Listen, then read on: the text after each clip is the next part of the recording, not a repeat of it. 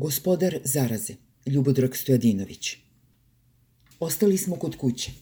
Prvi zimski sneg ovog proleća pomaže da se savlada iskušenje i strah od sveta koji opstaje izvan nas. Ostali smo bez prijatelja. Mnogi su prestali da se javljaju u nejasnom strahu da virus možda putuje elektromagnetskom sferom. Ostali smo sami sa sobom i to je neizbežan rezultat umiranja društva. Onima kojima je to potrebno, a svima jeste, ostali su bez podrške. Iluzija da ima solidarnosti usred rastućeg straha može se završiti zatočenjičkim apelom koji nema ograničenja. Ostanite kod kuće. Igrajte mice, domine, šuge. Monopol, žmurke, čoveče ne ljuti se. Hoće li nas to sačuvati od socijalne oduzetosti kad sve prođe? Neće, naravno. Problem je mnogo veći nego što smo u ovoj panično-paranoidnoj žurbi stigli da vidimo. Izgubili smo međuljudsko opštenje koje nas čuva od otuđenja svake vrste, a za uzvrat smo dobili tutora koji je postao odlučujući kontrolni punkt svega što nas čini. Gospodar zaraze, slobode, lečenja, samrtne agonije, vremena, prostora i naših oštećenih nervnih sistema. Nova verzija njegovog eskapizma tvori onu stvarnost u koju želi da bude i gde se osjeća kao crv u lešu. Tragedije su ambijent za njegov uspon, tačnije osiguranje od pada. Samo je ono najgore dovoljno dobro kako bi dokazao da se bez njega ne može. Vrhunac uspona je vanredno stanje, oblik vladavine koji u ratu ili miru, zdravlju i bolesti nije lako podneti niti opravdati. Izolacija ima sa diktaturom dodirnih tačaka samo u modelima torture. Nije tačno da su građani Srbije inače nedisciplinovani, pa ih jedino može izlečiti gvozdena tiranska ruka. To je dirigovana zabluda koju rado umnožava grupa epigona i šarlatana oko gospodara, opasnog šarlatana takođe. Disciplina se ne uteruje vojskom i masovnim strahom od dugih cevi, nego smirenom i razumnom edukacijom.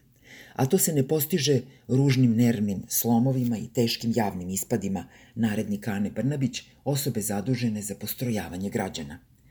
Ova epidemija je iz svoje političke utrobe naglo izbacila novu nenormalnost – ženu skromnih svojstava sa ambicijama da postane dublerka neurotičnog uzora – Čuo sam se ovih dana sa mnogo depresivnih ljudi.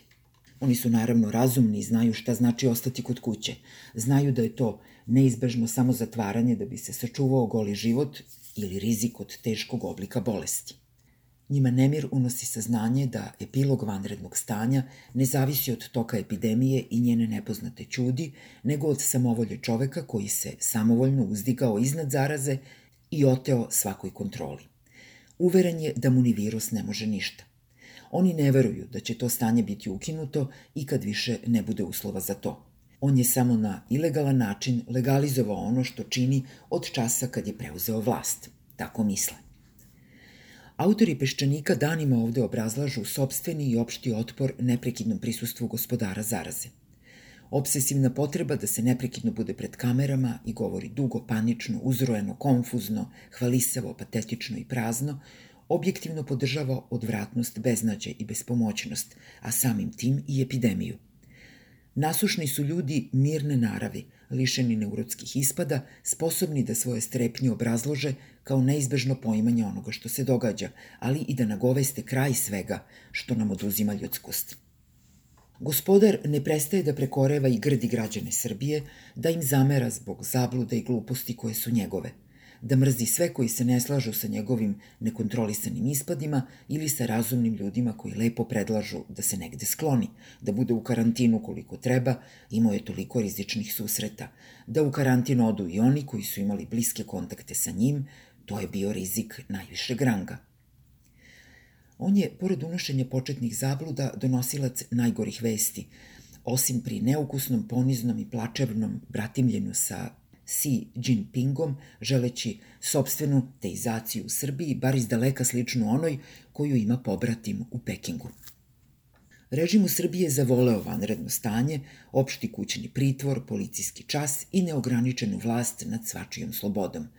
To je dopalo šaka nedostojnih ljudi koji o zdravstvu ne znaju ništa.